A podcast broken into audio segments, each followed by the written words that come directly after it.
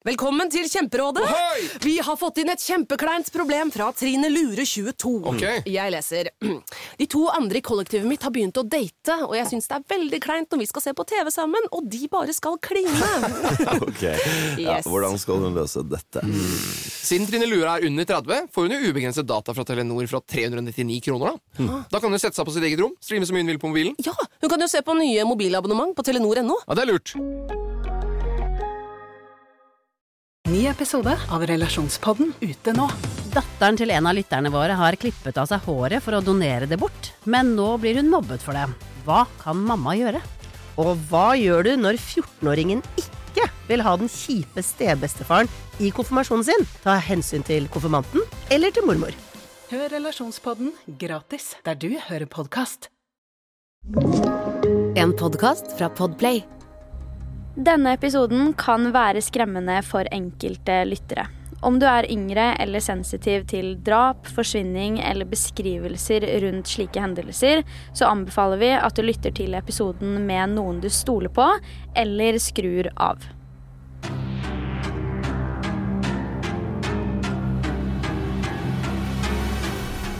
Hei og velkommen til en helt ny episode av Forsvinningsfredag podcast. I denne ukens episode skal jeg ta for meg en sak som for alvor blusset opp i 2017, da HBO lagde en dokumentarserie om saken. I 2019 kom det en spillefilm om saken med Joey King i hovedrollen, som virkelig satte lys på den omdiskuterte saken. Det er da ikke bare amerikanske borgere, men faktisk mennesker over hele verden som får øynene opp for denne helt forferdelige saken, og derfor ønsker jeg å ta for meg den saken her i dagens episode. Noen av dere har helt sikkert hørt om den før, men la meg fortelle deg historien om Gypsy Rose Blanchard. Så aller først, hvem var egentlig Gypsy? Gypsy Rose Blanchard ble født den 27. juli 1991 i Golden Meadow i Louisiana. Hun var et enebarn, og foreldrene hennes skilte seg da hun var ganske liten. Faren til Gypsy han gifta seg på nytt med en dame ved navn Christy, og sammen så fikk de to barn. Foreldreretten over Gypsy gikk da til Didi, altså moren til Gypsy, mens faren måtte sende barnebidrag hver måned. Han var involvert i livet hennes, men da mer under litt større hendelser, som i typisk skolesammenheng og lignende. Faren har uttalt at han husker Gypsys oppvekst til tross for forholdene som en veldig fin og lykkelig en, og mener at han og hans nye kone var involvert i livet til Gypsy frem til ca. 2004, da Gypsy var 13 år gammel. Dessverre så var det sånn at allerede som baby var moren til Gypsy, altså Didi, overbevist om at datteren hadde søvnapné. Da Gypsy ble åtte år gammel, forklarte moren at Gypsy led av leukemi og muskulær dystrofi, og at hun var nødt til å sitte i en rullestol som resultat av sistnevnte. Etter hvert utvikler antallet problemer seg til å også være problemer med syn og hørsel, og også kromosomfeil, som gjorde at organene hennes ikke utvikla seg riktig.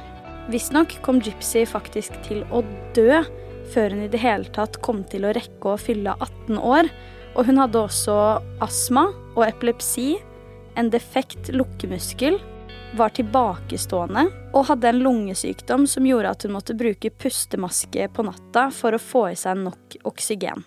På toppen av dette måtte hun også få mat intravenøst. Gypsy fikk naturligvis også medisiner for hver av disse sykdommene også, så det ene skapet på kjøkkenet deres så faktisk ut som at det kom rett ut fra et apotek. En ting som er veldig interessant her, er at Gypsy selv aldri visste sin egentlige alder da hun ble fortalt forskjellige år hver gang det ble tatt opp. Moren skyldte på at det var fordi at hun lå fem år bak i utvikling, og derfor så oppførte hun seg yngre enn det hun egentlig var. Men nå så har man klart å finne ut at hun faktisk ble født i 1991.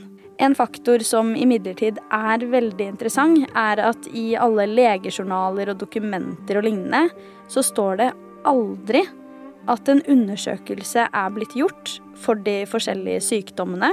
Det står bare 'ifølge moren' gjennom hele. Og dermed så har de bare gått med på at Gypsy har alle disse diagnosene. I en del av journalen så står det faktisk noe om at eh, da Didi skulle forklare til legen at Gypsy hadde mentale og motoriske utfordringer som hun trengte hjelp til, så holdt Didi for ørene hennes, slik at hun ikke skulle høre det. Angivelig har Didi forklart dette med at hun ikke ønsket å skremme Gypsy eller virke støtende. Nevrologen dr. Flusterstein er en av nevrologene som Gypsy og Didi var innom for å sjekke opp i Gypsys angivelige motoriske utfordringer og påståtte sykdommer. Dr. Flusterstein har forklart at Didi var en helt enormt dårlig historieforteller. Han forklarer at han husker å ha sett Gypsy stå oppreist, til tross for at moren sa at hun var lam fra hoftene og ned. Han forklarer også at han hadde kjent på beina til Gypsy for å kjenne etter muskelmasse i da forbindelse med den påståtte sykdommen, og at muskelmassen var helt normal. Muskelmassen hadde da altså ikke vært det dersom hun faktisk hadde hatt denne sykdommen. Fra 2005 til 2014 så var Gypsy og moren innom over 100 forskjellige sykehus. Og gjennom alle disse sykehusbesøkene fikk Gypsy strenge retningslinjer om hvordan hun skulle oppføre seg. For å nevne noe så måtte hun ikke engang finne på å bevege på beina. Og hun skulle alltid ha med seg en kosebamse som hun skulle kose på eller leke med. Det var alltid moren som skulle snakke, og Gypsy var med kun fordi hun var pasienten. Selvfølgelig gjør jo dette at Gypsy og moren får enormt mye oppmerksomhet og respekt i lokalmiljøet, da de var så mye på sykehus og alle var klar over at det var fordi Gypsy angivelig var så syk. I tillegg endte Didi opp med å barbere hele hodet til Gypsy som et resultat av den påståtte leukemidiagnosen. Gypsy stolte jo naturligvis på moren sin på alle måter, også da hun faktisk gjennomgikk en operasjon for å fjerne bukspyttkjertelen. Interessant nok, tatt i betraktning at det ikke fantes et eneste dokument som kunne vise til undersøkelser som hadde blitt gjort der det faktisk vises at Gypsy hadde alle disse sykdommene, rett og slett fordi hun aldri hadde dem. La meg forklare litt dypere hvordan dette kan være mulig. En annen faktor oppi det hele er at Gypsy alltid var veldig annerledes enn de andre barna på sin egen alder og i sitt eget område. Hun hadde også et veldig spesielt bånd til sin egen mor, og hun elsket Disney. I ettertid har Gypsy fortalt at hun elsket filmen som heter På rømmen, som handler om at moren er inne i et tårn sammen med datteren sin, men lar aldri datteren gå ut. Plutselig en dag faller moren ut av tårnet og dør, som på en måte blir en happy ending for datteren, for da kan hun jo gjøre akkurat som hun vil, og har hele verden for seg selv. Jeg kan jo forstå hvorfor Gypsy følte at hun kunne relatere til den filmen, i og med at hun hele tiden var rundt moren sin, at hun kanskje følte seg bundet til rullestolen og alt som hadde med sykdommen å gjøre. Nabojenta som Gypsy og moren hadde blitt kjent med da de flytta inn, fortalte også i ettertid at Gypsy aldri fortalte noen ting personlig, nettopp fordi moren alltid var til stede. Akkurat det gjør det jo også vanskelig for Gypsy å skaffe seg venner også, dessverre. På alle bilder man kan se av Gypsy og moren, ser vi Didi alltid være veldig nær datteren, gjerne holde henne i hånda. Psykiaterne som har sett på saken, mener dette kan være en måte å vise dominans overfor datteren på, vise falsk trygghet og en måte å beholde datteren i hennes hule hånd. Det er nesten som at hun vil at Gypsy skal både være og føle seg underdanig. På et tidspunkt fikk faktisk politiet tips fra en i nabolaget som var bekymra for at Gypsy ble mishandla. Politiet rykka da naturligvis ut, men i likhet med alle andre så ble også de manipulert og fortalt en helt annen historie enn hva tipset skulle tilsi. Politiet lot saken gå, og de gjorde heller aldri noe mer med det. Etter hvert som tiden går, blir Gypsy kjent med en mann ved navn Nicholas Goldie-John. Han ble hun kjent med på nattestid mens moren sov, og de ble da kjent over internett. Gypsy og Nicholas innleder etter hvert et nettbasert forhold, og Gypsy har forklart at hun virkelig elsket denne mannen, og at dette er den første personen som faktisk har sett henne for den hun er på innsiden, og både han og henne kunne fortelle absolutt alt til hverandre. Av Nicholas nære så blir han beskrevet som en veldig rolig person som liker best å være alene, og han har fått påvist autisme og asperger, i tillegg til å være veldig redd for å bli lurt. Ifølge hans nære vil han alltid være rundt 15-16 år mentalt, og det forklares at han virker til å ha flere personligheter. Faktisk ender Gypsy opp med å få en melding fra en av eksene til Nicholas som advarte henne mot han og sa at hun måtte passe seg for han, men fordi Gypsy var blind på kjærlighet, så ignorerte hun det totalt og fortsatte forholdet sitt til han. I dag sier Gypsy at eksen hans hadde rett.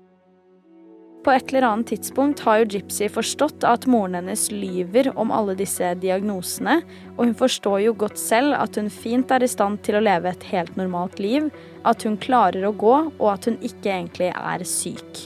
Det gjorde at hun endte opp med å fortelle Nicholas alt om situasjonen med moren sin, og stolte på at han skulle beskytte henne mot alt i verden. Nicholas hadde da sagt at han til og med vil beskytte henne mot moren hennes. Det var her dette forholdet utvikla seg fra å være en smule giftig til å bli veldig, veldig destruktivt. Nicholas begynner å snakke om BDSM, og mange har forskjellig beskrivelse og definisjon av dette, men her er i hvert fall Store norske leksikon sin definisjon. BDSM er et samtykkende, avtalt og ofte erotisk samspill som involverer elementer av binding og disiplin, dominans og underkastelse, eller sadisme og masochisme. Til slutt klarte han å overbevise Gypsy om å bli med på dette, og han gjorde det også veldig klart for Gypsy at det var hennes oppgave som kvinne å underkaste seg, mens han som mann hadde i oppgave å være den dominante. Som du kanskje kan se for deg, så utvikler jo ikke dette her seg i noe særlig fin retning. Og det er også sånn at hatet Gypsy har for moren sin, vokser seg større parallelt med forholdet hennes til Nicholas. Sammen har de to planlagt i lang tid hvordan de kan befri Gypsy, og i så måte ta livet av Didi. Etter hvert som hver av disse planene går i vasken, så blir Gypsy desperat og skaffer dermed en bussbillett til Nicholas, slik at han kunne komme til Gypsy for å utføre det.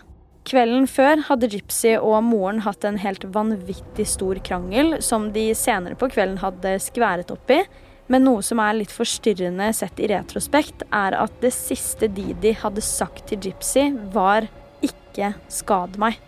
Da Nicholas endelig kommer seg hjem til Gypsy, så låser hun seg inn på badet, mens Nicholas gjør seg klar til å gå løs på moren. Samtidig sitter Gypsy inne på badet og hører sin egen mor bli drept av kjæresten sin, og vet så vidt hvor hun skal gjøre av seg.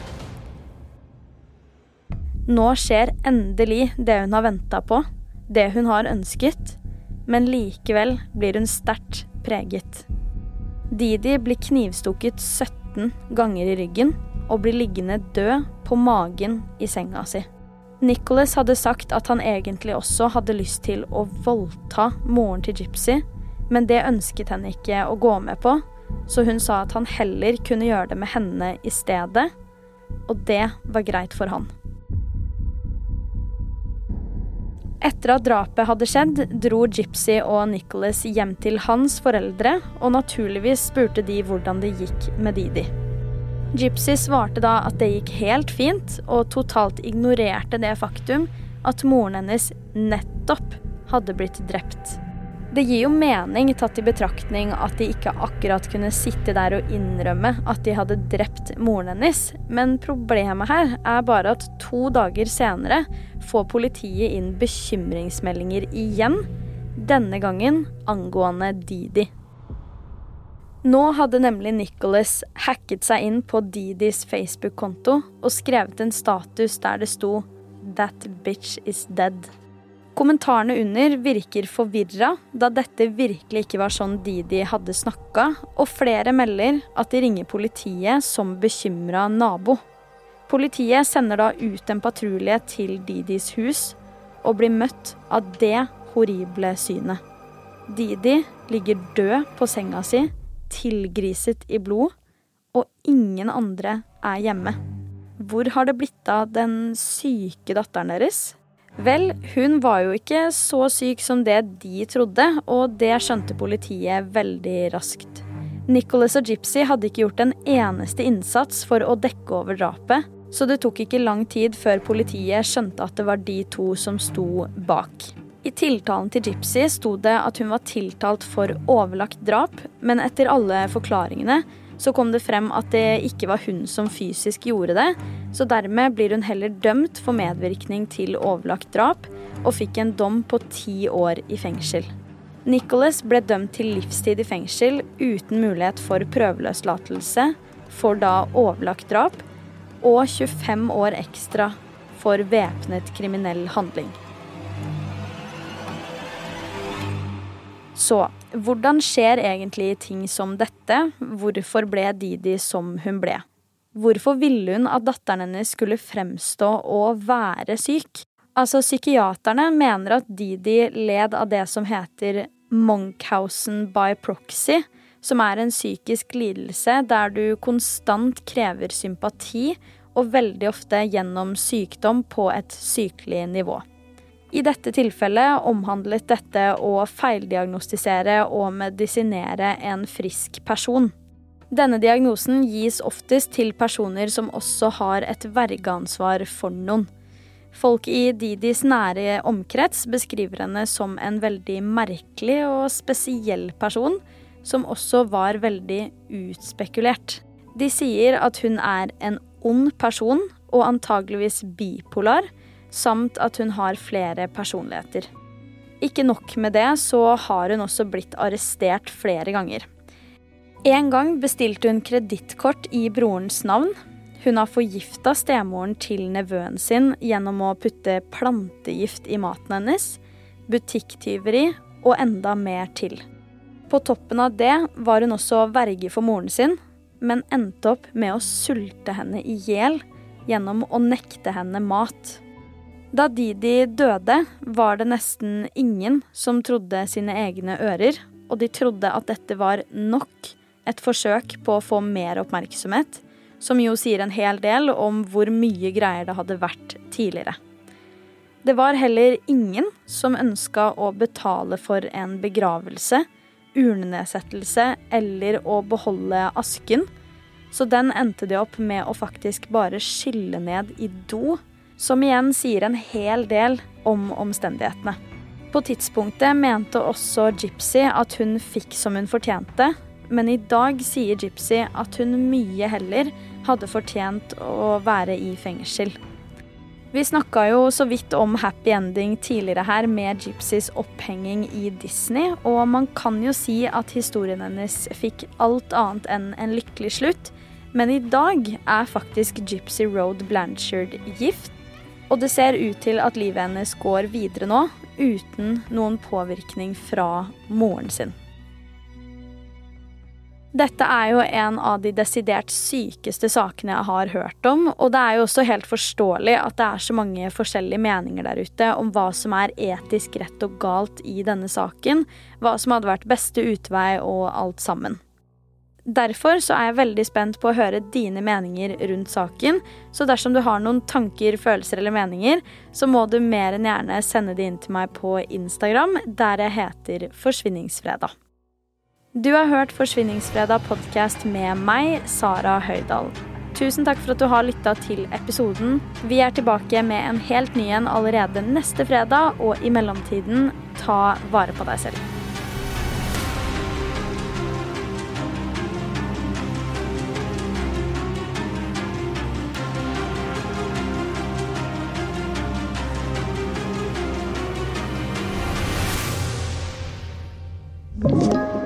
Du har hørt en podkast fra Podplay.